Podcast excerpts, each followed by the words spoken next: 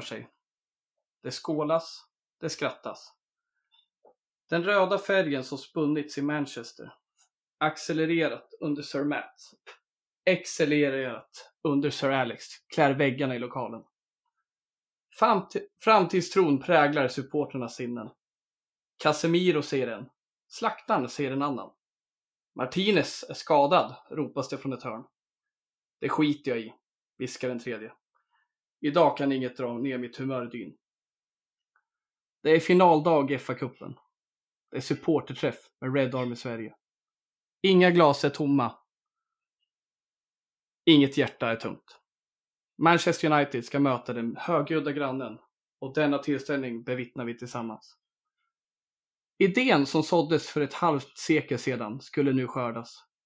Den första i sitt slag, den första av många. En stund där vi minns våra legendarer. En dag där vi uppmärksammar våra följare. En kväll där vi hyllar våra hjältar.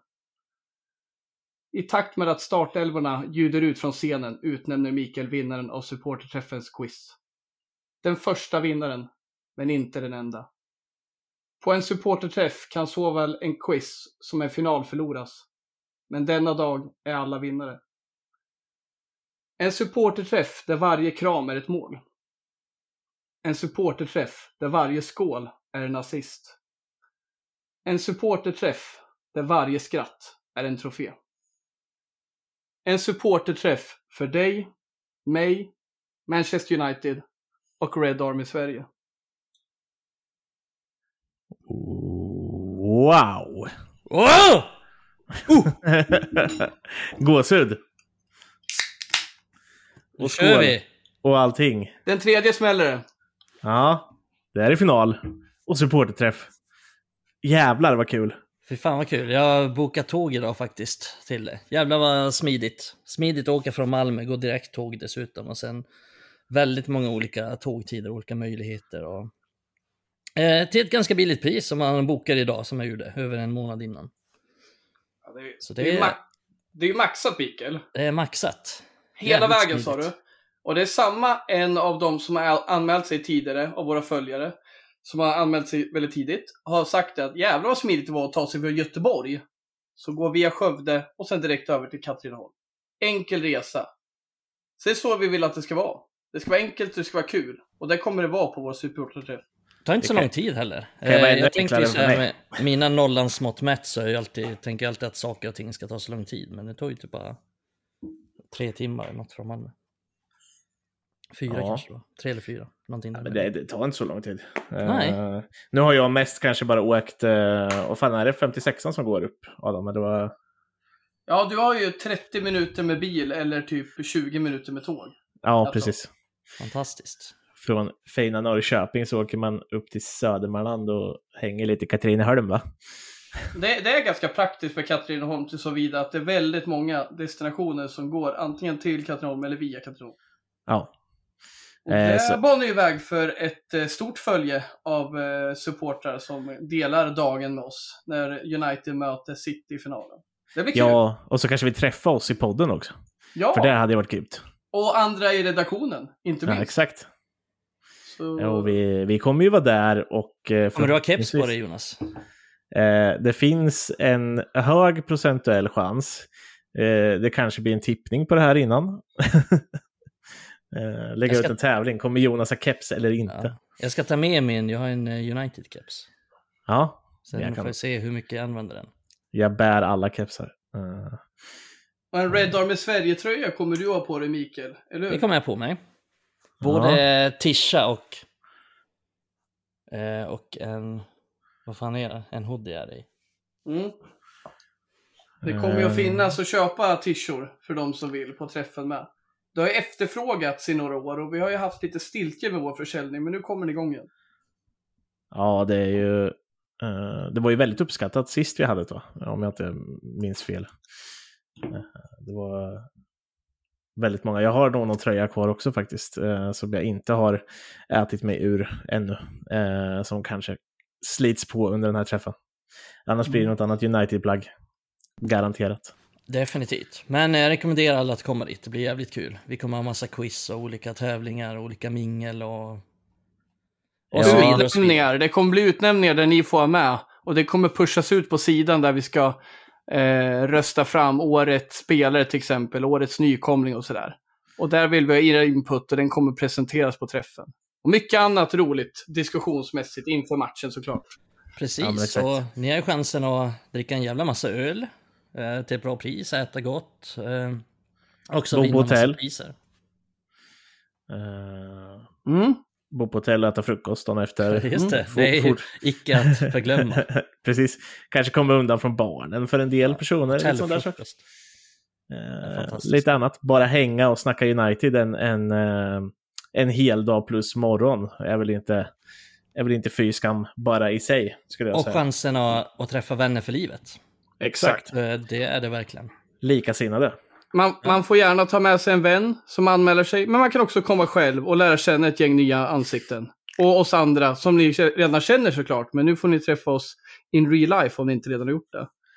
Och, och vill även påpeka det att det är väldigt nära från tågstationen till stället vi ska vara på.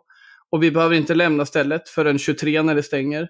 Allt finns in-house. Det finns bar, det finns matbuffén på samma ställe. Hotellet om man väljer att boka säng och rum finns också på samma ställe. Och eh, så finns vidare. Och gamla skribenter också. Elias Lövgren dyker upp. Ja, fan, Rasmus kul. Ivarsson dyker upp. Det blir Rasmus, fantastiskt. vilken jävla legend. Och framförallt finns det här. Ja, inte minst det där. Ja, det blir fint. mäktigt. Mäktigt! kan, vi, kan vi få dit honom också? Vad heter han? Men, men mäktigt! Och Eh. för den som har ett skarpt öra kan man ju höra att det har skett förändring. Så nu tänkte jag passa över ordet till Jonas som får berätta en nyhet från Red Army Sverige-podden. Ja, men visst är det roligheter Adam. Eh, vi har ju skaffat ett nytt samarbete, eller ett nytt, vårt första samarbete. Och det är Streamplify eh, som eh, har valt att samarbeta med oss helt enkelt. Och jag ska egentligen börja med att spela upp det här. Red Army Sverigepodden görs nu i samarbete med Streamplify. Att börja streama, podcasta eller content creata kan ibland vara en skrämmande och ofta komplicerad process. Därför vill Streamplify göra det lättare för alla att dela sitt content på ett sätt som är enkelt och tillgängligt. Genom att erbjuda högkvalitativa produkter ger Streamplify framtida streamers, contentskapare och podcasters en genväg in i sin streaming och content creating utan att behöva betala allt för mycket pengar. Så gör som oss och använd utav Streamplify. Ja, ni hör ju. Man kan ju påa va? Fan vad proffsig du lät Jonas. ja, det är kul. Ja, det är oerhört tacksamt att eh, få hjälp med eh, vår kvalitet i podden genom Streamplify. Eh, otroligt användningsbar utrustning och enkel att installera. Ja, men till och med Adam har lyckats med det, vilket säger en hel del om hur enkel den är att använda och installera. Men också, den är jävligt snygg. Det är det jag reagerade på mest, alltså direkt jag såg den. Ja, men det är lite, lite där de är för. De, de, de använder sig ju för streamers och sånt också. Och där, eh, där syns de ju lite mer i bild va, än vad vi gör. Eh, Ja. Och då är det väl bra att det är snyggt också. Nej, men som sagt, väldigt, eh, väldigt kul att Filip och de på Streamplify har valt att samarbeta med oss. Och att vi fort, hoppas att det blir ett bra samarbete och att vi fortsätter hjälpa varandra framöver. Och är ni sugna som sagt på att skaffa någonting, börja streama eller podcasta eller något, hör av er till Streamplify. Vi kommer lägga ut en länk där man kan köpa deras produkter. Eh, och ja, egentligen ta det därifrån. Eh, och vi fortsätter tacka dem som sagt. Och så kanske vi ska börja prata lite podcast då, eller? Det tycker jag, absolut. Prata om United om inte annat. Precis. Eh, och ja, våran vecka har ju mest varit eh, supporterträffen, har vi redan pratat om. Eh, och Uniteds vecka har ju pågått mellan Tottenham och uh, Aston, mellan Tottenham och Aston Villa, men ja, de har spelat mot Tottenham och Aston Villa.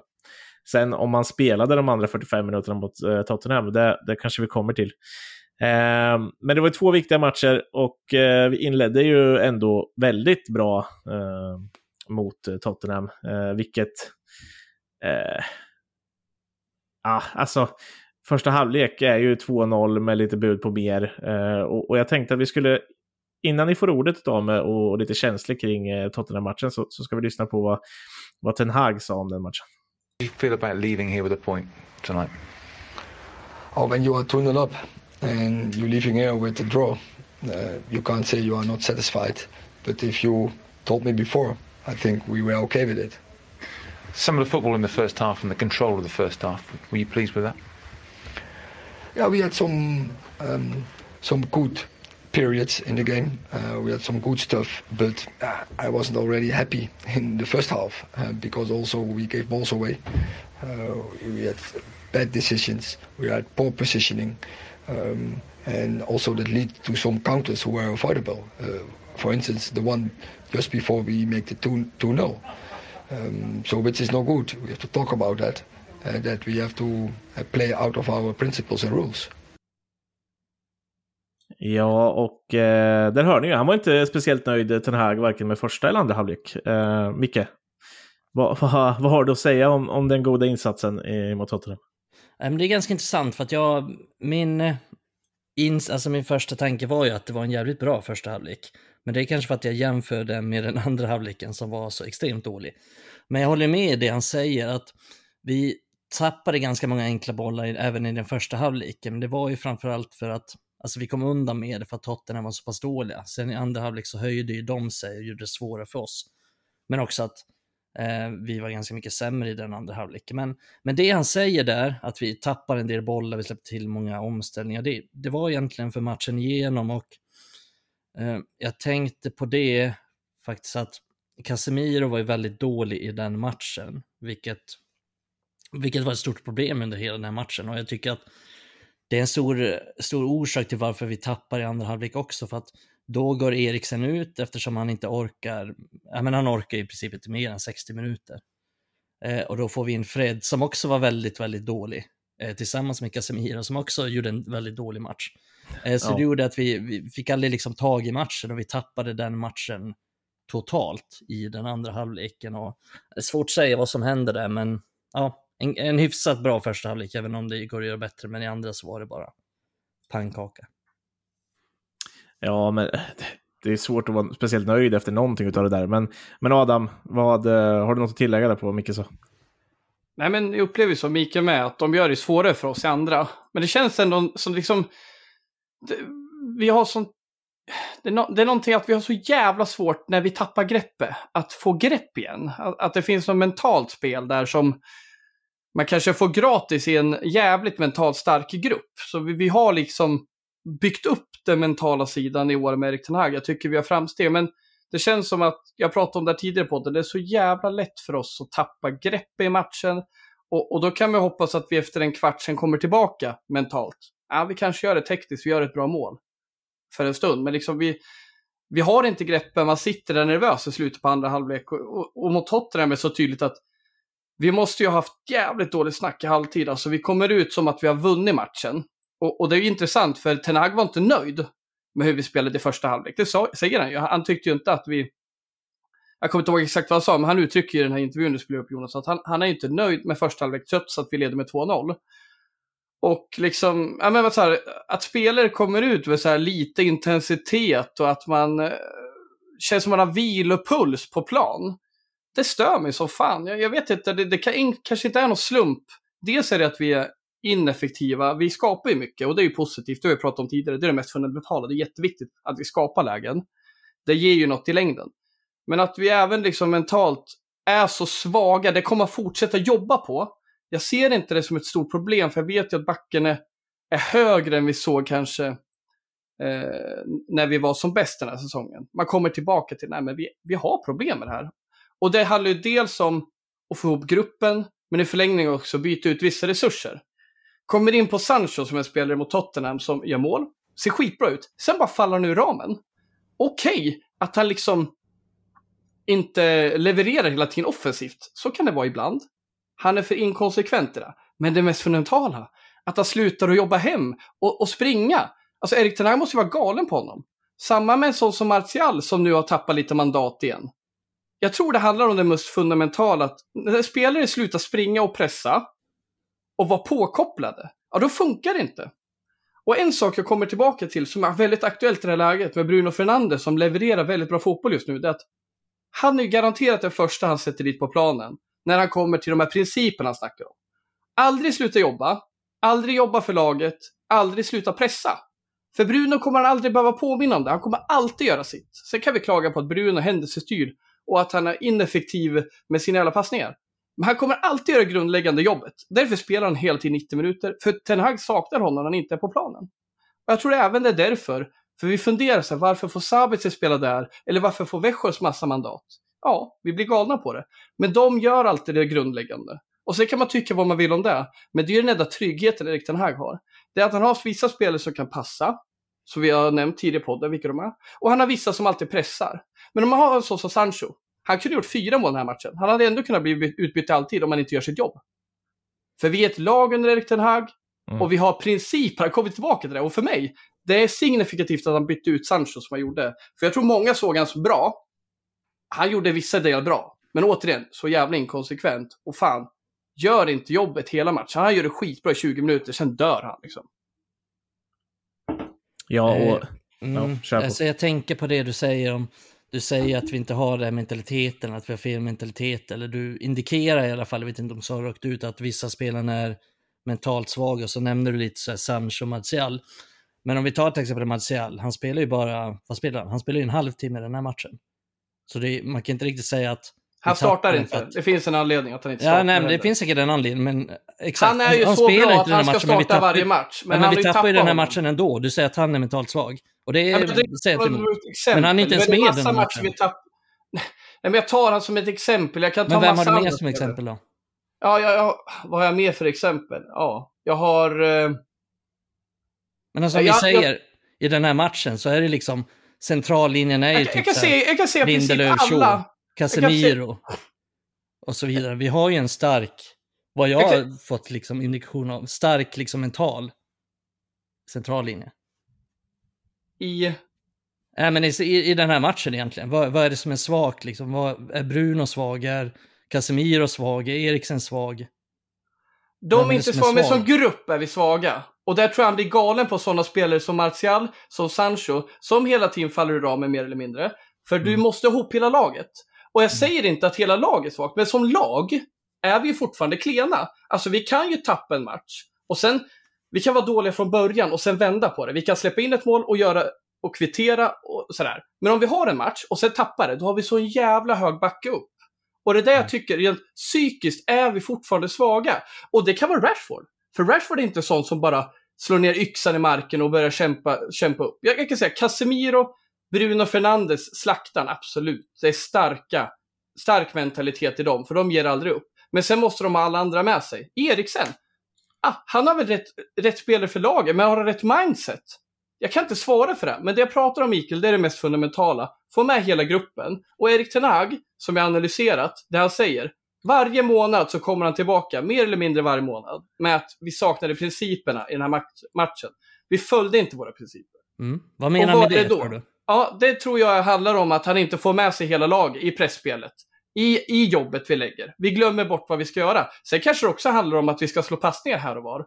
Och man, och man kan argumentera för att alla hänger inte med nu när vi har fått tillbaka Eriksen på vilka jävla fantastiska passningar han slår. För vi är fan aldrig på hugget när de kommer mellan linjerna eller i djupet. Men jag tror framförallt det handlar om, jag har funderat på varför byter han ut Sancho?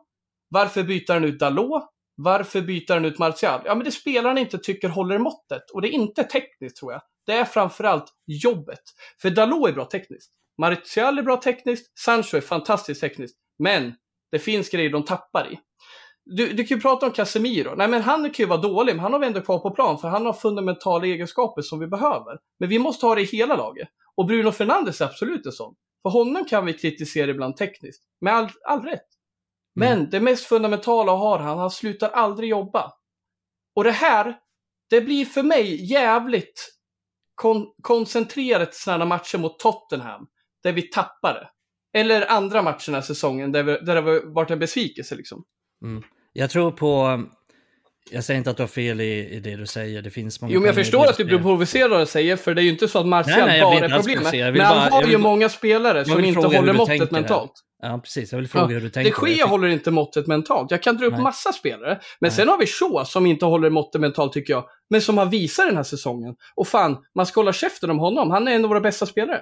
Mm. Men vi har många andra som fan Mm. kliver undan när vi behöver dem som mest. Jag tänker så här också på, det, kan, det är mycket möjligt att han menar det med principerna. En annan sak jag tänker på, eller som jag tolkar hans principer, det är att vi spelar inte så som vi har tänkt att spela eftersom många av de här spelarna har egenskaper som inte fungerar i det sättet att spela.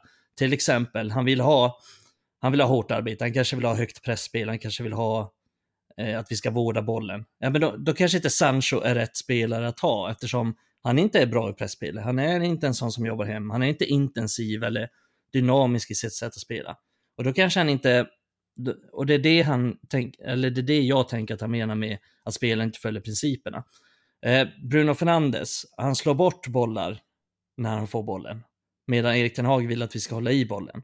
Nu säger jag bara Bruno som ett exempel. Bruno har varit en av våra bästa spelare och tar vi matchen mot Aston Villa så var det ju literally vår gameplan liksom att slå tidiga bollar i djupet och liksom slå många chansbollar.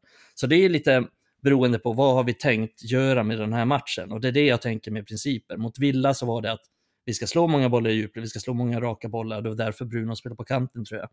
Men mot Tottenham så var det ju mer att vi ska kontrollera matchen, vi ska kontrollera ett spel. Och det är det jag ty inte tycker vi gör i andra halvlek.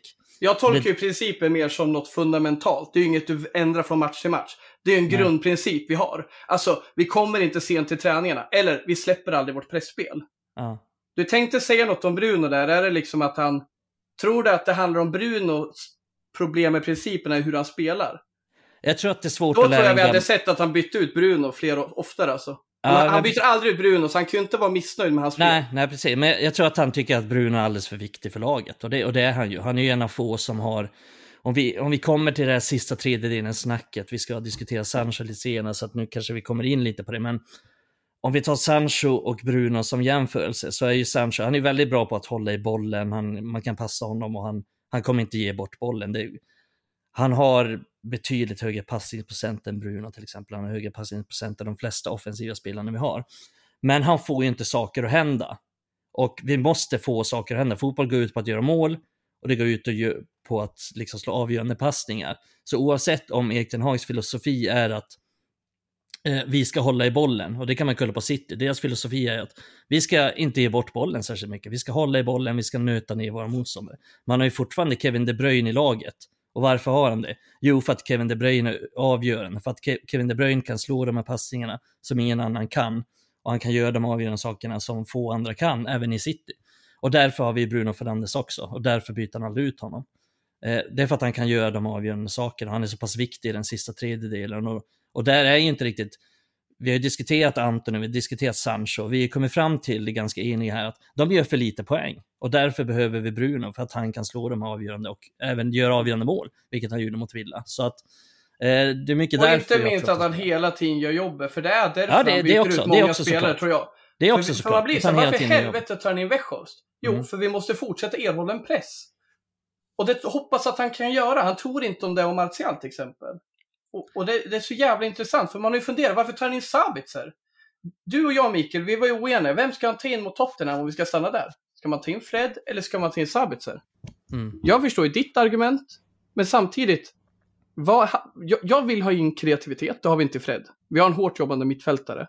En, en spelare som kanske förstår vårt spel till och med bättre och sina lagkamrater bättre än Sabitzer. Men jag tror att i vissa matcher där Sabitzer kommer in, det handlar egentligen bara om hans jävla grundintensitet. Eh, intensitet, liksom. Och jag tror inte han kommer passa United i framtiden, men just nu, vi har för lite alternativ som kan passa och som kan pressa. Och därför var jag tvungen att prata om Martial. Alltså, kommer ju aldrig funka, inte Sancho heller, men låt oss prata om Sancho senare. Vi sparar Sancho. Men, men alltså Martial, anledningen till att han byter in Martial, och det säger han ju själv också i intervjun efter, det är för att han är bra på att hålla i bollen. Det är därför han vill ha in Martial. Så att jag köper ju det bytet. Alltså, sen byter ju Martial mot Sancho Men det är inte fel att byta in Martial? Martial Nej. ska vi ställa krav på, Martial kan leverera. Men lika väl, när vi ser att han inte ens påkopplad, han kliver inte ens på den matchen. Vi behövde ju ta kontroll i den matchen. Precis, inte bli är det av med om, om vi diskuterar... Det är samma med Fred, vi blev ju av med kontroll i den matchen. Mm. Och det är det mest fundamentala problem vi har. Vi tar in spelare för att kontrollera matcher, men vi har inte de spelarna. Nej, Jo, det har vi Martial inte. borde vara det, men onekligen, han, han sitter och grinar på bänken för att det är petat tror jag. Men Det är ju min det är det som är... I teorin så är det ju ett bra byte. Liksom. Om vi kollar på Martials egenskaper. Han är bra på att ta emot bollen, han kan hålla i bollen. Men han är också kreativ i sista tredjedelen. Så att han kan göra alla de sakerna. Sen Ja, får han inget hårt jobb. absolut, jag håller med. Men så att om vi Och bara kollar samtidigt på är det Fred ett helt jävla kast eh, byte teorin. Eh, ja. Med tanke på ja. att vi ska ha kontroll i matchen. Mm. Ja, men vi har, det ingen vi som, vi har ingen att byta in som kan Nej. ge Men vad, tycker ni Sabitzer där är då? inte magiskt där, men fan har han mer kontroll än Fred i alla fall. Bättre på att slå passningar alltså. i press. Ja, men om vi kollar på Sabitzer så är han, alltså, han är inte delaktig i matcherna. Han, han slår ju liksom, mot Aston Villa så spelar han 86 minuter och slår 18 passningar på hela matchen. Han spelar 30 minuter mot Brighton och slår 4 passningar på hela matchen. Han är inte med i matchen. Sen är han bra på att typ så här, löpa i djupled och sånt, men jag ser inte hur han ska ge oss någon slags kontroll på matchen. Nej. Men du tror Fred ska göra det? Ah, Det är det jag nej, menar. Det tror jag inte. Om jag får jag välja. Ja men fan, vi, vi ska in i matcherna här nu. Det kommer vara intensivt, bra. Då har vi både Fred och Sabitzer. Okej, vem kan tänkas ha bäst bollkontroll? Så här, köp vad vi säger. Det är inte så att jag går in all in för Sabitzer. Han hade ju varit helt jävla medioker. Så är det bara. Men det är Fred med. Ja, men då ser Riktigt du ju. Ten Hags problem. Då ser vi här på svart på vitt Ten Hags problem. Han har välja mellan Sabitzer, Fred, kanske Weghorst. Det är Ja, liksom det det- han slänger in. Ja, och även om koll- tror att Maino skulle kunna komma in och ha bättre kontroll så är inte han heller någon som kommer gå in all in för hans jävla principer han pratar Ja, det är om svårt heller. att slänga in en 17-åring borta mot Tottenham, liksom. Som, borta mot Tottenham som vädrar blod också. Dessutom när vi ska försvara en ledning och så, och så vidare och så vidare. Så att, nej, det, det är en svår situation och därför blir jag lite så här, när vi diskuterar Erik Ten Hag, när vi diskuterar hans byten, är, han har inte så mycket att laborera med. Visst, man kan ju kolla på bänken så här namnmässigt. Sabitzer, Fred, eh, Elanga, Pelistri, bla, Martial. bla- så Pelistri kommer in och ska ge oss kontroll i matchen. Exakt. Det är det så här, Ja. Elanga och Pelistri, de är omställningsspelare. Men de Mm. ger oss ingen kontroll. Vi har ju en obalanserad trupp och det är det vi kommer Mm. tillbaka till hela tiden. Att han är så svår, han kan liksom inte stänga den här matchen. Det är därför han, du var inne på det, jag menar, han byter aldrig ut Casemiro. Klart som fan han inte gör. Han är den enda som kan ge oss någon slags här defensiv stabilitet. Så att, Mm. Nej, det, det är en svår sits han sitter i och därför blir jag lite så här för Jag hänger liksom inte med i den här grejen som, som så många gör att "Ah, men så jävla dåliga byten av Ten Hag. Men Nej, han försöker göra något. Det skulle komma. Förtjänade han den kritiken han fick efter... Alltså, Nej, för- jag, jag tycker Ja. inte det, för att han försöker göra någonting. Jag tycker att vi tappar den här matchen redan 30 sekunder in i halvleken. Ja. Det är lätt att tro att ja, men vi tappar den när Fred kommer in. Nej, vi tappar den mycket före, vi tappar den 15 minuter före redan.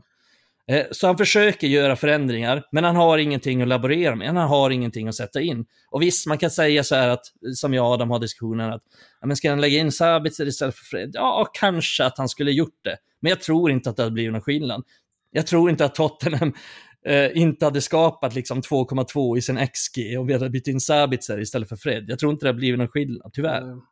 nej. Nej, det, det är faktiskt så. Det är inte där matchen faller. Det är ju faktiskt redan, som du säger, efter 30 sekunder.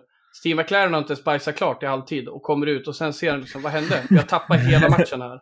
Men sen Liksom, vi har tappat matchen mot den här dansken och den där eh, liksom argentinaren som har lämnat sitt jävla sinne i, i VM-pokalen.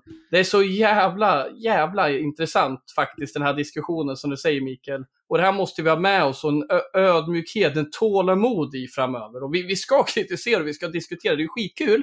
Men vi har inte riktigt materialet för det här. Framförallt inte om vi vill kontrollera matcher. Men möter vi Brighton, som vi gör på torsdag, och vi behöver få in spelare som kan kontra för att Brighton onekligen har kontroll. Ja, då kan vi ta in Pelistri, till och med Elanga, och de kan leverera. Exakt. Just, eller Fred. Fred Det, är en helt annan, det blir en helt annan matchbild för att nu har vi, som jag sa, nu har vi en obalanserad trupp. Nu har vi, viss, vi har många typer, vi har många typer av omställningsspelare. Men det hjälper ju inte oss i den här situationen. Eh, Det är det som är så svårt också. Det är, om vi tar matchen mot Villa, då har vi till exempel, säger vad man vill om Anthony, men då kan vi slänga in Anthony och han kan ge oss lite kontroll för att han kan hålla i bollen lite. Men vi kan inte Ja. göra den typen av byte för att alla spelare som är bra på att ha som, som är ganska bra på att kontrollera spel, de startar ju redan. Så när vi har förlorat den kontrollen, ja, men då kan man inte slänga in någon. Mm. Eh, så det är det som blir svårt också. Sen kommer jag bli Men är det inte lite för- där kritiken kommer ifrån då? Att han byter ut spelare som Antoni i, i den matchen. Och ja, absolut, sen att Martial och Fred levererar ju inte och vi ska kritisera dem. Men han gör ju ändå det här bytet. Han tar ju ut till exempel Antoni mot Tottenham. Mm. Eh, ja, en men, ja, som- det, det skulle man kunna ifrågasätta i så fall. Inte för att Anthony på något sätt var fantastisk, men Nej. med tanke på att han kan hålla i bollen lite grann. Så det skulle man kunna det skulle man kunna argumentera mot, men jag tycker ju att Anton inte var särskilt bra i den matchen och jag tycker att han såg lite trött och sliten ut, så jag förstår ju bytet helt och hållet. Men jag ska bara Men säga så en hade de varit sak. klockrena hela tiden. Typ Eriksen och Casemiro helt jävla... Alltså klockrena, då skulle han aldrig behöva byta ut dem heller. Men han måste ju byta in någon då. Mm. Alltså han måste ju byta in någon. För han Ja, det- känner, det kanske inte riktigt handlar om att liksom Nej men jag tänker så här, han byter ju typ aldrig in några yttrar som inte kan kontrollera bollen. Han byter ju aldrig in Pelistri eller Elanga. Det är inte Nej. rätt profiler. Och det finns en anledning. Det är inte att han inte gillar dem, men de passar inte riktigt hans spel. I de flesta matcherna. Mm. Verkligen. Och jag ska bara säga en sista sak eh, om det här med Den Haga-byten. Eh, säg om tre säsonger, när hela truppen liksom är byggd efter hans spelsfilosofi. Då kommer jag bli orolig om han gör massa byten som inte funkar. Men nu har han vad han har. Han har ärvt det här liksom. Det är inte hans... Han har inget val än att slänga in Fred. Han vill inte starta med de Gea. Han vill inte slänga in Fred kanske. Han vill inte slänga in Weghorst om man får välja. Men han, det är de spelarna han har och han måste göra det bästa situationen. Eh, Det är lite så jag tänker. Så gör han samma sak om två, tre säsonger när han har hela truppen fylld av sina spelare så att säga. Ja, då kommer jag vara orolig. Men just nu så tycker jag att han har, det är klart, det blev inte rätt i den här matchen, men jag tycker överlag att han har visat att han har bra känsla för matchen, han har bra känsla för hur man ska förändra matcher, han har bra känsla för vad han ska göra för typ av byten. Mm. Alltså om, jag tänker att ni kan få med en till grej. Jag ska spela upp den, den är lite lång, men det, kan, det har lite med det här att göra. Det är Peter Schmeichel som, som satt i, jag vet inte om det var Sky Sports eller någonting sånt där, eh, och, och pratade ut om just det han tyckte var problemet med andra halvlek i, i, i, och, och pekar ut eh, två spelare som får lite kängor, eh, och, och i alla fall när det gäller ledarskap, som, som du är lite inne på. I agree with a lot of what uh, what he just said there. I, I, I agree that when he says that we were not brilliant over the 90 minutes, I thought the first 45 minutes uh, it was more case of Tottenham making Manchester United look good than Manchester United really sort of played Tottenham off the park.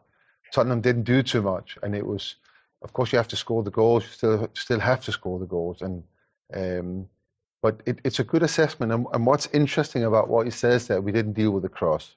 No, we don't deal with the cross. What happens when you don't have Martinez and Varane, when you don't have that leadership in in the center of, of that defense?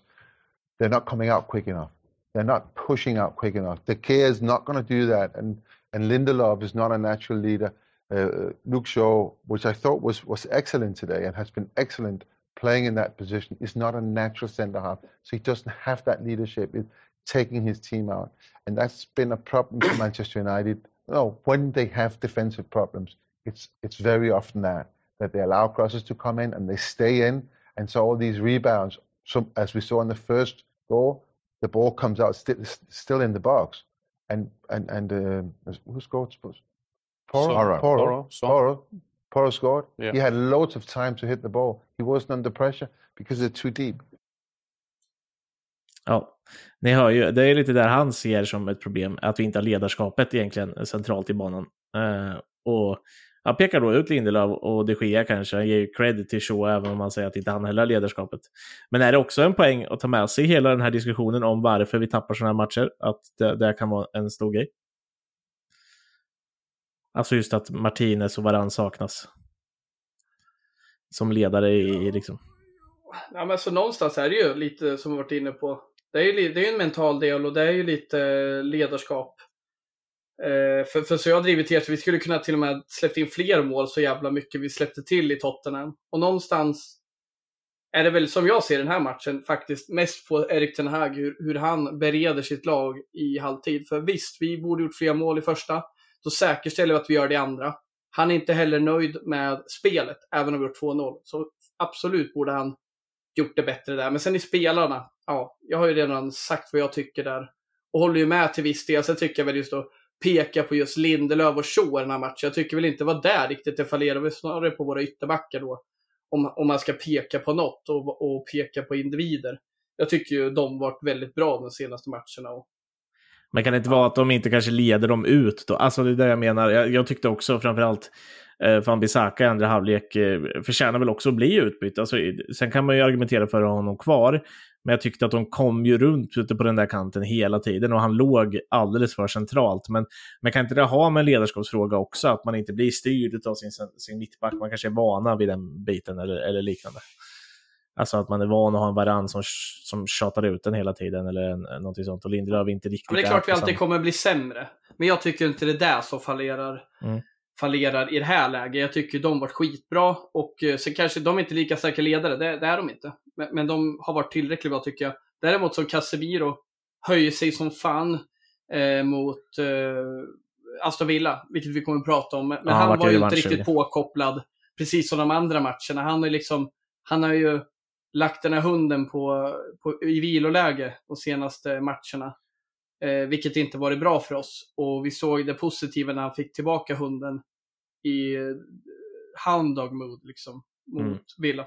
Så, så nej, jag håller inte med alla delar, men jag förstår hans poänger. Och jag tycker också jag tycker det saknas ledarskap överlag i många matcher. Och det är just när vi hamnar i kläm. Där behöver vi, och jag tycker oftast i andra halvlek när vi hamnar i kläm. Hamnar vi i kläm i första halvlek, då har vi visat tidigare att vi har kunnat vänta. Även i andra, men jag tycker det är mest signifikativt i den andra halvleken. Hur vi tappar det. Det är det, Ja. han har, det är det han har snackat mycket om också när han har värvat och hur vi har tänkt i värvningarna och hur han har tänkt när han försöker bygga den här truppen. Då snackar jag mycket om ledarskap och då snackar jag mycket om att Martinez är en ledare och Varann är en ledare. Så att, ja, det är klart att har en poäng, men det är klart att vi kommer sakna dem. Det är ju, alltså, jag vet inte om jag överdriver när jag säger att det är liksom världens bästa mittbackspar, Varann och Martinez, och båda de är borta. Det är klart att vi kommer sakna dem. Men som ersättare tycker jag att Lindelöf och Shaw och framförallt nu när vi har den här villamatchen i beaktning också, att de har gjort det extremt bra. De är ändå liksom så här, de är tredje och fjärde val på mittbacksplatsen. Hur många, Mm. hur många lag har tredje och fjärde val som gör det sådär bra som de har gjort? Och det är så fascinerande att de gör det som en kedja. För Lindelöf och Maggan är inte lika bra. Eller Shaw och Bajy, till exempel. Det är ju som kedjorna tillsammans. Jag var tvungen att äh, lägga till. Men Maguire och Bajy då? Var det Jag är lite sugen på att se dem tillsammans. Maguire och Bajy, då tänker jag på någon så här IV jävla semifinal i någon Europa League-match eller någonting. Otäckt. Jag läste precis att Bajy och, och Telles kommer tillbaka till eh, sommaren men beräknas att lämna igen. Eh, inte Känns som Kanske de få- låna, det känns som de lånades ut för tre år sedan. Uniteds sämsta mittbackspar, så här, vi börjar här långt ner. Maguire, Bajy, sen längst, allra längst ner, Alex Telles och Will Fish. Nej, Alex Telles och Phil Jones. Fan! Alex Telles och Will Fish, är det en Europa League-match eller? Nej, det var ju någon träningsmatch nu i somras. Mm. Men spelade inte Phil, ju spelade inte Phil också i träningsmatcherna med Telles? Eller var det Bajy och Telles? Nej. Det bästa, de Phil Jones bästa, var inte med överhuvudtaget, eller? de bästa mittbacksparen vi jag haft genom tiderna. försäsongsturnén. Det är Ja. Vidic Ferdinand, Steve Bruce och Pallister. Sen är det Varann och Martinez. Sen är det Phil Jones och Rojo. Och sen Ja, det är är det det. Darren Fletcher och Michael Carrick. Fulham borta, förlorade med 3-0. Darren Fletcher, Michael Carrick, mittbackar. Vilken jävla liv, vilken jävla... Richie Delat, eh, högerback. Vad kan det vara? 29? 2010? Äh fy fan vad Fan, mörkt. vad är det för alltså. jävla chipslirare vi håller på att nämna nu alltså? Ah, nej, det får vi släppa. ja, eh, nej men jag tänkte på en sak, jag ska läsa upp eh, en grej för er dock. Eh, eh, United har ju alltså, det här är ju så här statistik som är, jag tycker bara lite rolig att nämna, men mot de som just nu ligger topp 9 i Premier League, inte, det var första poängen som man plockade på bortaplan mot de här, mot Tottenham. Eh, annars har man förlorat med 2-0 mot Newcastle, 7-0 Liverpool, 3-2 Arsenal, 3-1 Aston Villa, 6-3 Man City och 4-0 mot Brentford. Usch. Ja. Ja, Eh, är inte kul. med det lite till, i beaktning så var det ändå ett fall framåt mot Tottenham. Eller? Ja, ja, alltså vi hade ju lika gärna kunnat vinna om eh, Bru- Bruno... Alltså så, så illa var det inte. För de här na- matcherna du nämner nu har ju varit totala magplask egentligen från början. I den här matchen så kunde vi lika gärna vunnit med 3-0 och vi kunde förvisso ha förlorat, men vi hade det i våra händer. Det hade vi inte de andra. Så absolut ett fall framåt. Om man nu ska prata fall, så faller vi framåt. Ja, men precis. Och sen om man kollar resultatmässigt också, det klippet du spelade in där, eller visade, eller visade, du spelade upp det tidigare. Då sa han ju också att ja, men innan matchen kanske vi hade tagit en poäng. Ja. Och det kan man ju köpa, så det är inte superdåligt att få en poäng borta mot Tottenham, även om de har haft ja, lite mindre bra form på slutet. Men Mm. det, det är ingen katastrof och det är ingen katastrofmatch om vi jämför, precis som Adam säger, den här matchen med de tidigare matcherna, för de har ju varit extremfall tycker jag, Newcastle, Liverpool, eh, Brentford framför allt, de har ju varit, alltså det är ju, är det totala, totala jävla mångplask. Totala hjärnsläpp. Usch. Ja. Det hade gått bättre om vi hade haft Michael Carrick, Darren Fletcher och Richard Dellette som tre. Eller när Ragnik får för sig att han ska starta Phil Jones som mittback på Anfield. ja, den var också kul i och för sig. Nej, fan, Ragnik såg jag, han satt och pratade om eh. Ten Hag också, men jag kan inte ta med det. Det var Äh, bra. ledsamt att se den där jävla gubben. Eh, men eh, ja, vi ska flytta över till Aston Villa då, och då kan vi också nämna att dels Bruno Fernandes gjorde sitt hundrade ligamål i karriären. Det var kul för honom. Det 42 i United.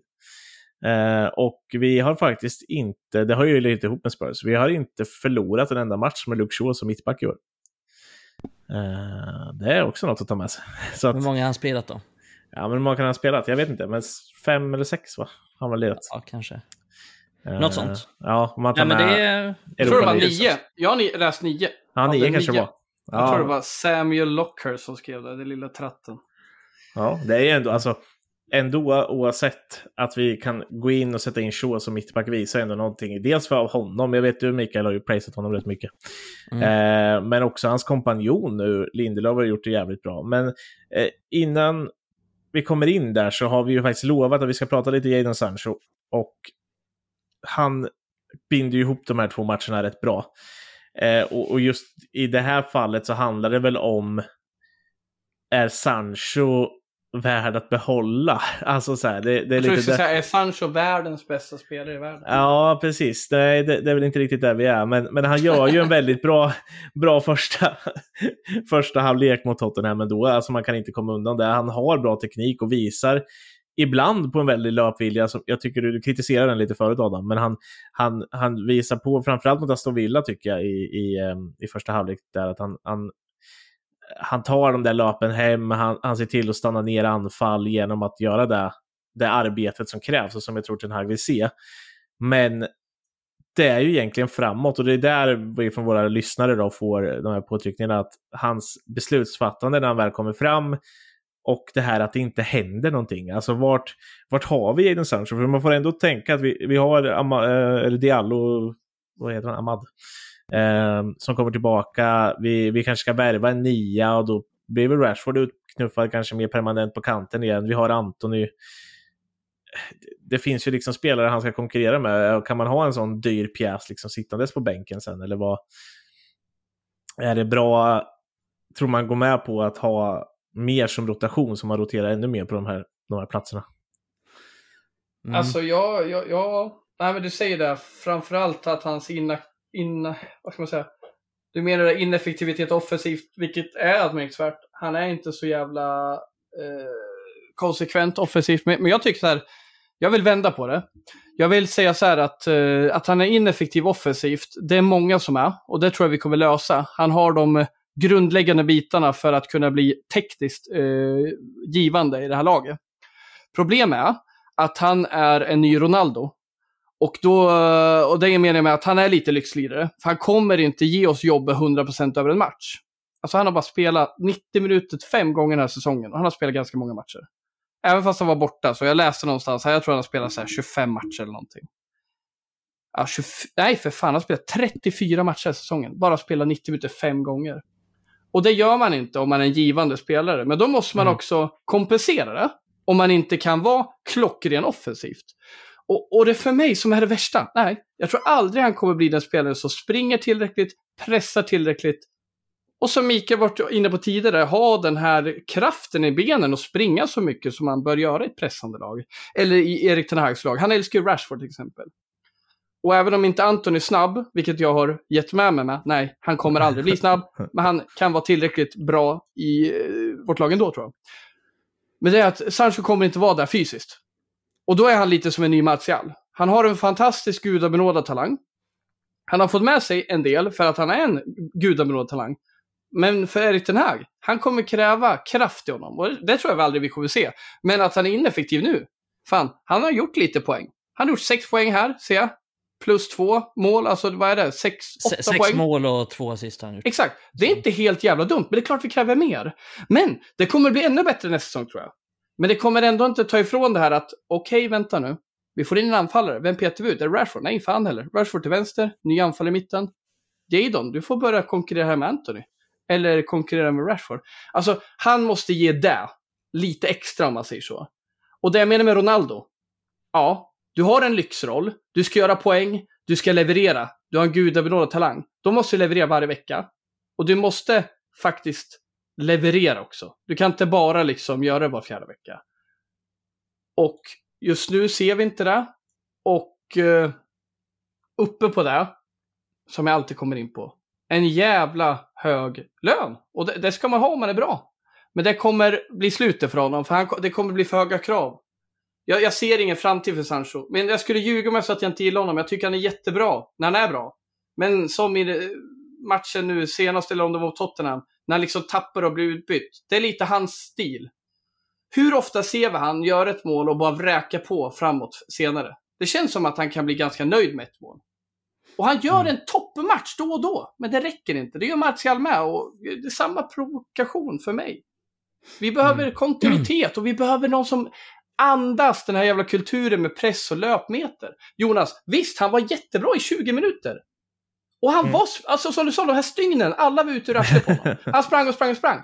Men det räcker inte 20 minuter. Du måste göra hela matchen om du ska kunna funka under Ten Hag. Ja, men sen så räknar man väl också och man, man ska väl ändå kunna kräva att ja, men vi har någon situation som jag bara har i huvudet mot Villa här nu. Att han kommer, han får ju bollen jävligt bra på kanten, på vänsterkanten. Han får liksom kliva öppet in i straffområdet. Och det slutar med att vi ändå har en dålig, liksom någon form av överlappsboll och sen så är vi ute i straffområdet och så börjar vi spela runt straffområdet igen. Alltså där måste Jag håller kunna, med Jonas. Det måste vi måste kunna kräva mer. Ja men absolut. Och det, det, det är helt rätt.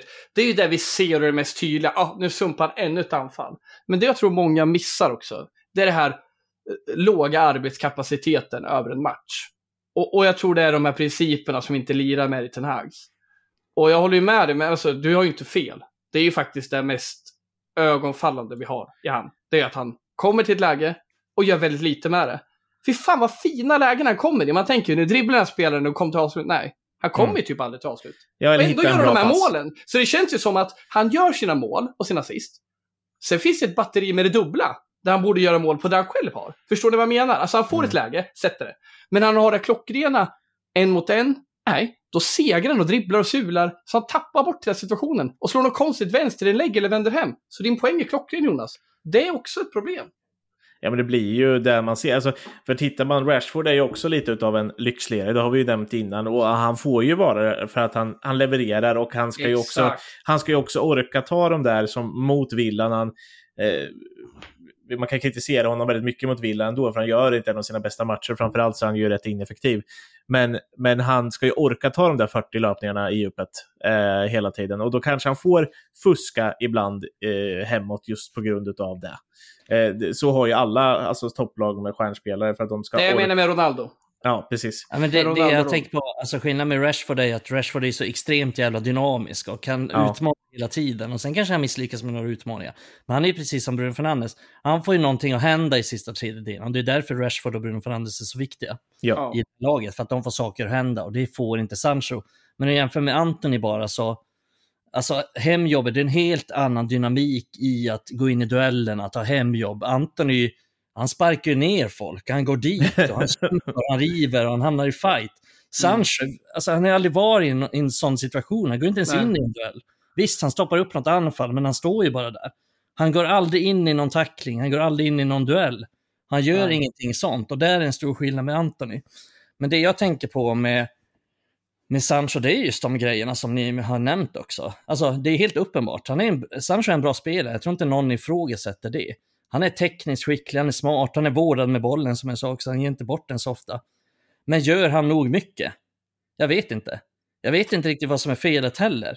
Så jag tänker nog inte spekulera i, i det så mycket, om det är någonting, om det är något permanent fel. Men han gör inte tillräckligt mycket. Han visar inte tillräcklig hunger. Han är inte atletisk nog, han springer inte nog mycket och han är inte dynamisk nog. Och jag vet inte om det beror på att han har mått dåligt, om det beror på att han inte har det i sig. Och, eller, eller vad liksom felet är i. Men som det är nu så visar han inte nog mycket. Jag tycker han bidrar till Nej. truppen, visst. Det gör han, för han gör 20 minuter bra här. Han gör en bra halvlek där. Han gör en bra match där var fjärde match. Eh, men Men, men tänk så här Mikael, jag vill, jag vill slå in en grej bara. för det han visar, så är inte Ja. det nog bra. Det är inte Nej. nog bra för mig. Och kommer det någonsin ändras? Jag är fan lite osäker. Men som det är nu så duger det inte. Jag tänker så här, jag tänker Ronaldo som ett exempel nu. Det är inte så att han bara hade två chanser per match mot en ytter och sprang in och gjorde mål. Han, han hade ju massa lägen, man kunde bli helt galen på honom. Minns du det? Alltså, man, man kunde bli helt galen på vilka lägen han hade och sumpade. Men sen började han ju komma in och få sin form. Alltså Sancho, det är ju inte så att han har supermånga lägen. Det känns som att han får sina lägen, tappar humöret och bara, han blir inte förbannad, han går bara runt och försvinner. Alltså Ronaldo försökte, försökte, försökte, han ville ju verkligen bli bäst. Och det där hungern känner jag ju inte riktigt till Sancho. Men jag tror att det är bättre att jämföra med Garnacho. Alltså för att jag tycker att, så här, men Ronaldo, fan han är ett unikum. Det är få som var lika bra som Ronaldo. Men ta Garnacho till exempel. Jag tänker på Ronaldo när han var ung, som Garnacho. Det är enorm skillnad när Garnacho spelar, när han kommer in. Visst, han kan misslyckas, han kan göra en dålig match. Men han får saker att hända och han försöker hela tiden. Och sen, eh, ja, och det gör ju att han har tio chanser per match mot en ytter. Inte bara två som Sancho. För han ger aldrig upp. Han vill alltid göra mål. Ja, precis. Och det är det jag menar. Och sen tycker jag att, och det vet alla som lyssnar på den här podden, ja, det finns värde i att vårda bollen, att hålla i bollen, att ha den typen av spelare också. Men vi behöver också spelare som får saker att hända. Och det är därför Rashford är så viktig i det här laget. Och det är därför Bruno Fernandes är så viktig i det här laget. Och det är därför de två aldrig byts ut. Och det är därför han hela tiden byter in Garnacho i den här typen av lägen när vi jagar mål. Han kanske inte byter in Garnacho när vi ska kontrollera match. Och där är ännu ett exempel på en spelare som är liksom är stöpt i den omställningsfotbollen som hela vår trupp egentligen är. Men Garnacho är en sån spelare som, han kommer in och gör skillnad. Han kommer in och han vågar utmana. Och han kanske misslyckas. Men så kommer det ett avgörande mål. Och det är så viktigt att ha den typen av Ah, spelare. shit. Det är också Eh, en han ska konkurrera med. Alltså, som Ja, jag inte det- nämnde förut. Alltså, och, och Garnacho är ju mer ändå någonting att slänga in för att vända en match. Alltså så säger ja men vi, vi behöver det här, vi behöver det här. Sen så såklart som du säger precis det här att, ja men då är ju Sancho mer lik Anthony i sin spelstil. Ändå liksom med bollen, att han är lugnare, han kan hålla i bollen, han kan dra en gubbe och, och, och- slå en tunnel så har vi kvar bollen. Det gör ju inte riktigt Rashford och Garnacho, vi tappar ju mer bollar där ute. Men vi måste ju också få saker att hända, det är det som är lite grejen. Han, han kom ju som en assistspelare och det var ju det vi trodde vi skulle få, och det har vi ju inte fått. Så när vi inte får det, och plus inte får det andra som Ten Hag vill ha, då blir det ju ett klart underkänt. Och då är ju frågan, ja men ska han verkligen vara kvar? Nej, jag, mi- mitt statement blir ju, nej, vi kan utnyttja den rotationsplatsen till något bättre. Då är det bättre att ge Amad Diallo mer speltid nästa säsong eh, om han kommer tillbaka, om han inte lånas ut. Även om jag vet att du mycket säger att ja, men en Premier League-utlåning vore bra. Jag förstår det. Men, men vi, vi rättar upp ett löneläge som Adam har varit inne på förut, kanske genom att kunna skeppa honom. Vi, ska, vi kan få in lite mer pengar om vi skulle sälja Sancho eh, på att kunna värva en forward och kanske också en mittfältare utav högre klass. Alltså en innermitt som vi har tjatat om också. Exakt. För att kunna göra oss av med en spelare som, som också blir lite, ja, av, av, av, kvar Ja. överbliven. Alltså helt Han, han blir ju lite, han är ju en... Alltså det, det är som jag sa, jag tycker att han är en bra truppspelare nu. Han är bra att ha var, liksom var fjärde match. Han är kanske bra ibland att slänga in och han, är, han gör bra matcher ibland. Men det är inte tillräckligt för att för den summan han kom för, för den lönen han har. Eh, och vi snackade Sanchos, Sanchos poäng, han har, vad sa vi, sex Åtta. mål, två assist. Men han har ju färre poäng än Garnacho den här säsongen, på mycket, mycket mer speltid. Mm. Så att det väger liksom inte upp det, tyvärr. För han, jag gillar Sancho, han är bra spelare, verkar vara en bra snubbe. Så här, men jag tror inte det är värt att ha kvar honom, som, som det är nu. Om, om det inte sker någon förändring. Och det är ju svårt att säga, för det är ju en mental grej, tror jag. Det är en, han måste gå in i dueller, han måste få intensitet. Kan han få det? Det är jättesvårt för oss att säga. Men det verkar ju inte som att... Eh, det verkar ju liksom som att det är en permanent sak. Ja, och sen det, är han det ju, blir inte så stor förändring nu. vi måste ju säga också, han är bara 23. Alltså så, han är född 00. Så att det, det är ju inte så att det är en gammal och det är inte Mm. Nej, så att det är en precis. färdig spelare heller på den Nej, saken. och han kan utvecklas. Och det är, Ja. det är väl den brasklappen vi har. Han kan utvecklas, det kan ske en utveckling. Men ja, jag, jag är orolig. Ja. Eh, Ja, och där är det en annan sak tycker jag om man är dålig positionsspel eller att man behöver eh, lite mer träning med Benny McCarthy för att sätta den i krysset. Men för helvete, när du inte springer eller går in i duellerna, då är det faktiskt det är svårare än att träna skott. Eller svårare, alltså det sitter ju någonstans ett grundläggande mentalitetsproblem där. Och det kanske är så att han inte är stöpt på det här sättet. Han kanske inte krävdes lika mycket av honom i Bundesliga. Mycket sämre försvarare, tänkte slå in det. Det är svårare i Premier League än det är i Bundesliga att lyckas som en ytter. Vi har många yttrar från Bundesliga som har kommit, även anfallare, som inte har varit alls lika bra. För Premier League har bra försvarare. Det är Sen en intensiv också- liga också. Du Sen kommer hade han inte också komma Haaland undan. att ge assist till, vilket hjälper honom såklart. Absolut, och därför tror jag också att han kan bli bättre nästa till- säsong. Man, jag tror att man har större chans att få fler assist om man ger bollar till Haaland än till Wout Weghorst. Så är det ju. Det är klart det. Och det är därför Mm. jag tror att han, även Anthony, kommer bli bet- ännu bättre nästa säsong. Men att i förlängningen, vi nämnde lite namn som man ska konkurrera med här. Mm. Ja, blir han Peter ut till höger för att det är Garnacho och Rashford som gäller till vänster? Ja, då har vi Ahmad där också som ett alternativ, eller som tia. Så liksom, Erik Trang kommer börja fundera och jag, jag tror han tyvärr har börjat trött. Han, han ger ju verkligen Sancho chansen, det gör han ju. Det ser vi ju på den här statistiken den här säsongen, för han har ju alternativ att använda, men han använder Sancho, jag förstår det. Det är höga krav på den killen. Det finns ett lönekonto där som belastas. Och jag förstår att han vill ge en chansen också, för han är duktig tekniskt. Men det måste vara provocerande att se att han inte tar de här duellerna, som du jämför med kollegan Anthony.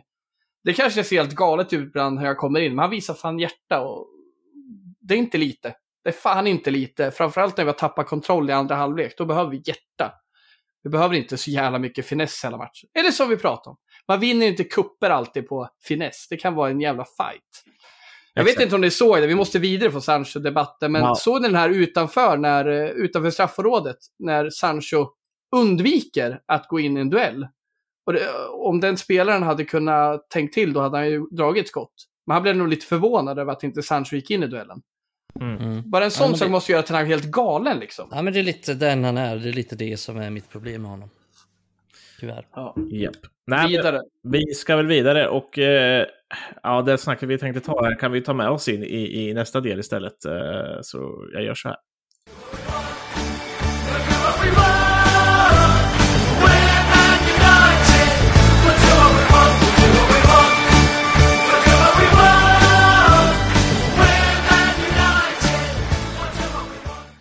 Ja, och det är ju alltså så att vi ska såklart prata de matcherna som kommer. Eh, och ja, vad har vi att vänta oss? Jo, vi har Brighton igen.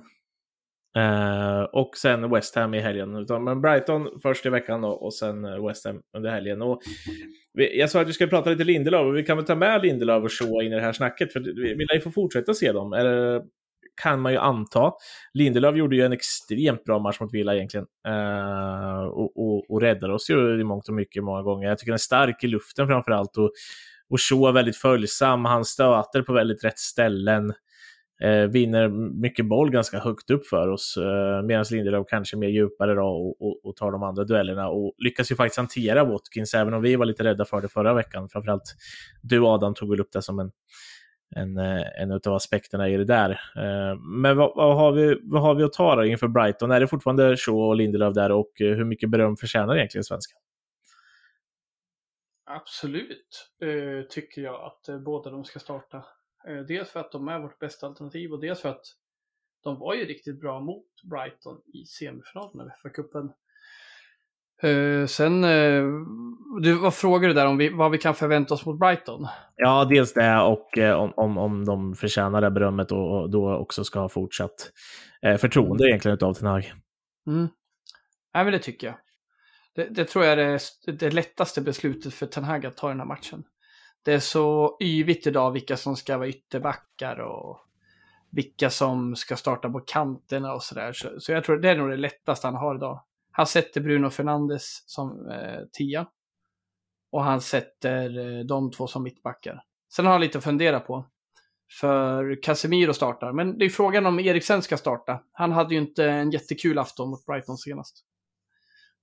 Nej, Det, är, det är möjligt att eh, det blir Fred den här gången faktiskt. Eh, nej, men vad gäller mittbackarna så, så, så är det ju givet. Alltså, det, det är synd för vi tappar Shaw eh, som, som vänsterback eftersom han är så pass bra i den positionen. Men det är det bästa vi, vi kan göra. Vi, som det är nu så kan vi inte spela Lindelöf och Maguire. I, vi, vi, vi kan inte spela dem i den här matchen. Det, det går inte, de är för dåliga tillsammans. Eh, och det är framförallt. Maguire Det är som så har... enkelt. Ja, så enkelt är det. Och det är framförallt Maguire då som har, som har varit för dålig den här säsongen. Mm. Eh, men så det, så det är givet för mig att, att Shaw och Lindelöf ska spela tillsammans. För det, det är det bästa vi kan ställa upp med. Och de två tillsammans har, har gjort det bra än så länge. Jag, jag, var också, jag var lite orolig inför matchen mot Villa där. Hur det skulle gå för kanske framförallt Lindelöf då. Jag är inte så orolig för så, men det, vilket är lite kul eftersom han har spelat typ åtta matcher i hela sitt liv som mittback. Ändå känner jag att ja, men fan, han är ju han är helt given i den här positionen. Jag har inga som helst bekymmer över honom. Att han kommer in, vilket är jävligt imponerande med tanke på hur lite han har spelat i den positionen egentligen. Men Lindelöf har gjort det väldigt, väldigt bra när han har spelat med Shaw. Han har gjort det väldigt bra när han har kom in de här sista matcherna och, och fått lite förtroende. Så han har ju, han har ju någonstans fått en liten uppryckning där, alltså vad gäller anseende hos supporterskaran. Så jag hoppas att det fortsätter, att han kan fortsätta göras, göra bra ifrån sig i den positionen. För, för det ser ganska bra ut just nu, de två som mittbackar. Och sen är det inte så bra som Varann och Martinez. Men det, men det ser bra ut, det ser stabilt ut och de är ganska lugna och trygga. Framförallt så, det jag gillar med den här backlinjen är ju att Ja, men om, vi, om vi spelar till exempel Dalot som högerback och så har vi Lindelöf, så har vi Shaw och så har vi Malasi som vänsterback. Då får vi fyra ganska bra fötter egentligen i, i uppspelsfasen. Eh, och det tror jag också hjälper oss i den här typen av matcher mot Villa till exempel. Vi har inga problem att spela från backlinjen, vi har inga problem att behandla bollen, vi har inga tekniska misstag och sen, sen tappar vi lite i luftspelet såklart, men det blir ju mindre och mindre av den varan i Premier League också egentligen. Alltså det är inte så många lag som bara kommer ut i kanten och pumpar inlägg egentligen. Eh, och jag tycker både, och när det väl händer så, så, sköter, så sköter de det bra i mm. backlinjen. Mm. Så nej, jag, jag, är inte så orolig för den egentligen. Och, och, det var jag innan ändå. Det var, jag var väldigt orolig när, när vi fick beskedet om att Varann och Martinez kommer missa så mycket. Så mm. Eh, det känns ganska bra. Men jag reagerar lite på det du sa om att det är tydligt, det är givet Adam, att han sätter Bruno Fernandes som tia. För det gjorde han ju faktiskt inte mot i matchen senast. Han sätter honom på kanten. Så jag vet inte hur givet det är egentligen. Nej, det har du fan rätt i. Den får jag nog ta tillbaka. Det jag tänker på att han är nog given som spelare i laget. Det är ja, det är han. han sätter ut. Men du har rätt, som tia. Det skulle ju lika gärna kunna vara Sabitzer och ja. sen kör han ut eh, ja. Bruno på kanten. För det gör Så... ju mot Villa. Han sätter ju in, jag tror att han gör det för att för då spelar han ju eh, Casemiro och Eriksen. Och det blir lite tunt, för, för det blev det senaste bort mot Villa. Och jag tror att han hade den matchen i åtanke. Och då ville han in, få in Sabitzer, han ville få in lite tajtare där i mitten och kanske att Sabitzer, han är lite bättre defensivt än Bruno egentligen. För han, han mm. jobbar också hårt och han är, han är, han är bättre i duellen och han är, han är lite bättre defensiv. Och då kan Bruno samtidigt fokusera på att vara den här kreativa kraften.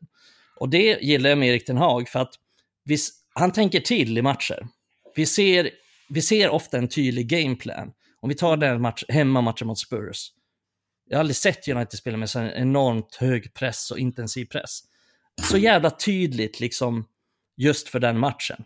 Och det blev det även här mot Aston Villa. Så jävla tydligt spelsätt just för den här matchen. Han hade ja. identifierat att vi ska få bollar och vi ska kötta bollar i djupled hela tiden över deras backlinje och hela tiden springa i djupled. Och det fungerade hur bra som helst. Mot ett svårt Villa så borde vi ha vunnit med 2-3-0. Eh, mm. Så att det gillar jag verkligen och det, där hade han tänkt till genom att få in Sabitzer och få ut Bruno på kanten. Eh, så det är, en, eh, det är en bra sak med Erik Ten Hag och som han har gjort bra egentligen hela säsongen tycker jag. Jag vill ja. fylla på där eh, innan Jonas, bara på just det här taktiska mot Aston Villa. Håller helt med. Ett enastående jobb med det där och det, det är nog lätt att missa för, för, för alltså grejen med, med Bruno på kanten, ja, vi vet vad han gör. Han, han pressar, han eh, slår sina bollar liksom. Men just hur han, hur han lurar bort eh, motståndarna från den yta Bruno egentligen ska vara på. Får upp, får upp ytterbacken genom att trycka ner Bruno mer som en wingback i uppspelsfasen ibland. Så kör de Shaw, Lindelöf och Dalot som tre backar. Trycker upp också Malaysia. Hela vänsterkanten, där Rashford kan springa, fick ju massa ytor, fick ju massa möjligheter. Så det var ju liksom hundratals tänkte jag säga, men ett tiotal bollar gick ju diagonalt över till Rashford. Där Bruno trycker ner, slår den diagonalt 50 meters bollar gång på gång på gång. Och, och, där tänker man liksom, hade det varit Antoni, då hade ju han varit mer längre upp närmare sin, sin försvarare. Men Bruno trycker ner. Vi har som du säger spelskickliga mittbackar och ytterbackar. Så det skulle även kunna vara Malaysia som är en del av den här trebackslinjen. Och att vi, det kan vi inte göra med AVB. Och vi kan inte riktigt alltid göra det med varann heller. Men i det här fallet så hittar han verkligen, han utvinner det bästa ur sina försvarare att de är spelskickliga. Och jag tyckte det var så jävla fint. Varje gång bollen gick över från vänsterkanten till högerkanten, fort från Dalot över till Bruno diagonaler över eller hitta ytan bakom eh, eh Moreno då, där Bruno brukar vara, på en anfallare eller eh, Sabitzer som gick djupe. Och du nämner det Mikael, jag tänkte ta upp det, vi har sagt så många gånger redan. Fan vad vi nyttjade ytorna bakom Aston Villas backlinje. Och det trodde man inte riktigt inför matchen. Nej. Men det är ju för att han har en gameplan och han, han testar det här. Och deep lying playmaker, om man ska kalla det det, fantastiskt med Bruno. Och att han inte får så mycket press, för han blir ju lite, han är ju lite skuggroll. Det är ju ingen som kommer punkta honom. Men en tia punktar man ju. Där kan man ha en defensiv mittfältare. Precis, och det är Det värt att är punkta- jävla fint att se alltså. Det, man blir helt värt att tårögd. honom som tia också eftersom han är så farlig i de ytorna. Men här på kanten Exakt. får han ju, han får ju mer utrymme att göra de här sakerna egentligen. För Ja. han får mer tid på sig. Man får inte så mycket tid på, det är ju den positionen man får minst tid på sig om man är tia. Liksom. Man får ju direkt någon i ryggen och man, det kräver ganska mycket av- de spelarna. Men på kanten så får han mycket mer tid på sig. Sen tycker jag det är kul också att, att det verkligen lönar sig, för att han gör ju målet från kanten. Ja, eh, så det, det, blev, det blev verkligen eh, bra. Sen blev det ju bara 1-0 i den här matchen, men det är ju mer att göra med de spelarna vi har. Och jag tycker att han är, Erik Ten Hag, just att han är, han är väldigt bra på att anpassa efter de spelarna vi har, efter de styrkorna vi har. Och det är det en bra tränare gör, tycker jag.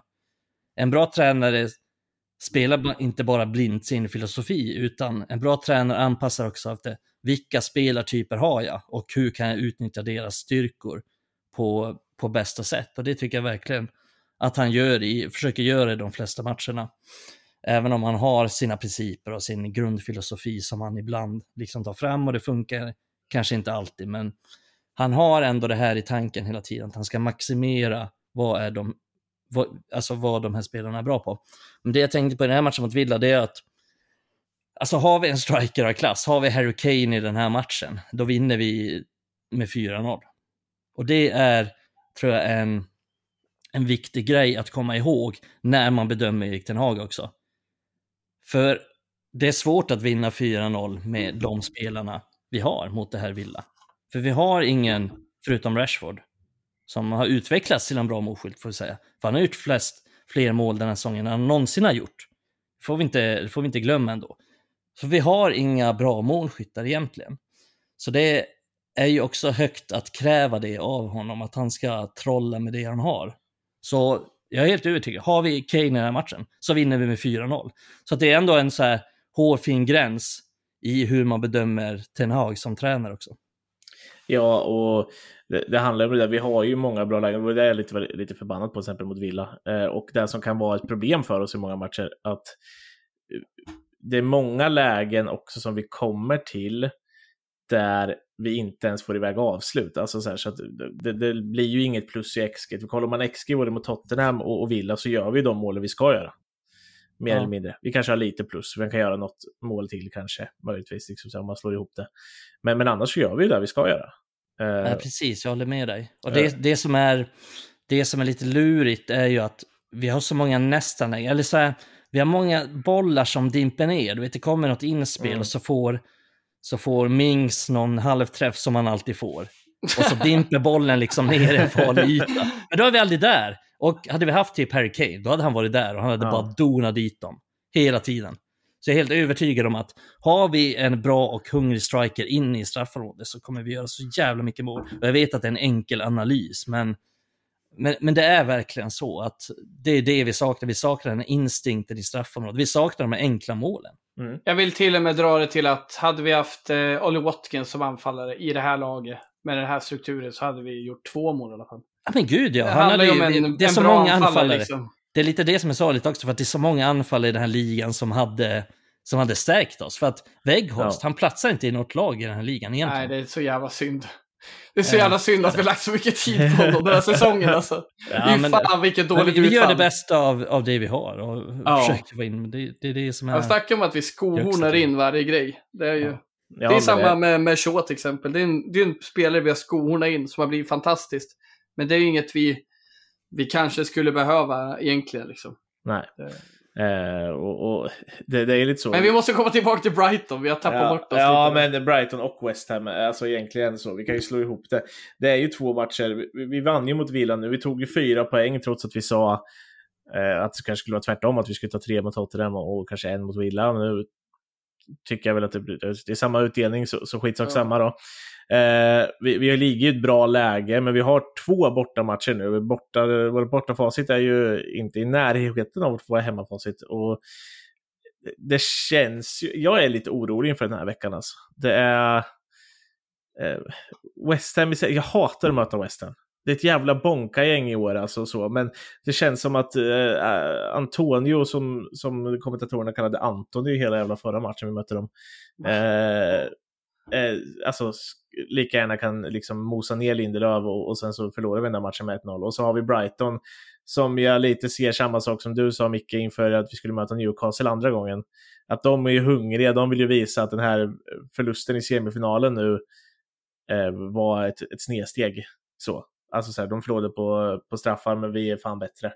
Så, och då på hemmaplan också så, så vill de säkert gå ut och, och, och visa ännu mer mot United. Vilket gör att ja, jag är jävligt orolig inför Brighton-matchen och, och, och sen är frågan om man kan studsa tillbaka då och, och åka till, till London och, och slå West Ham efter det. Det, det. det är inte en jättebra magkänsla inför den här veckan.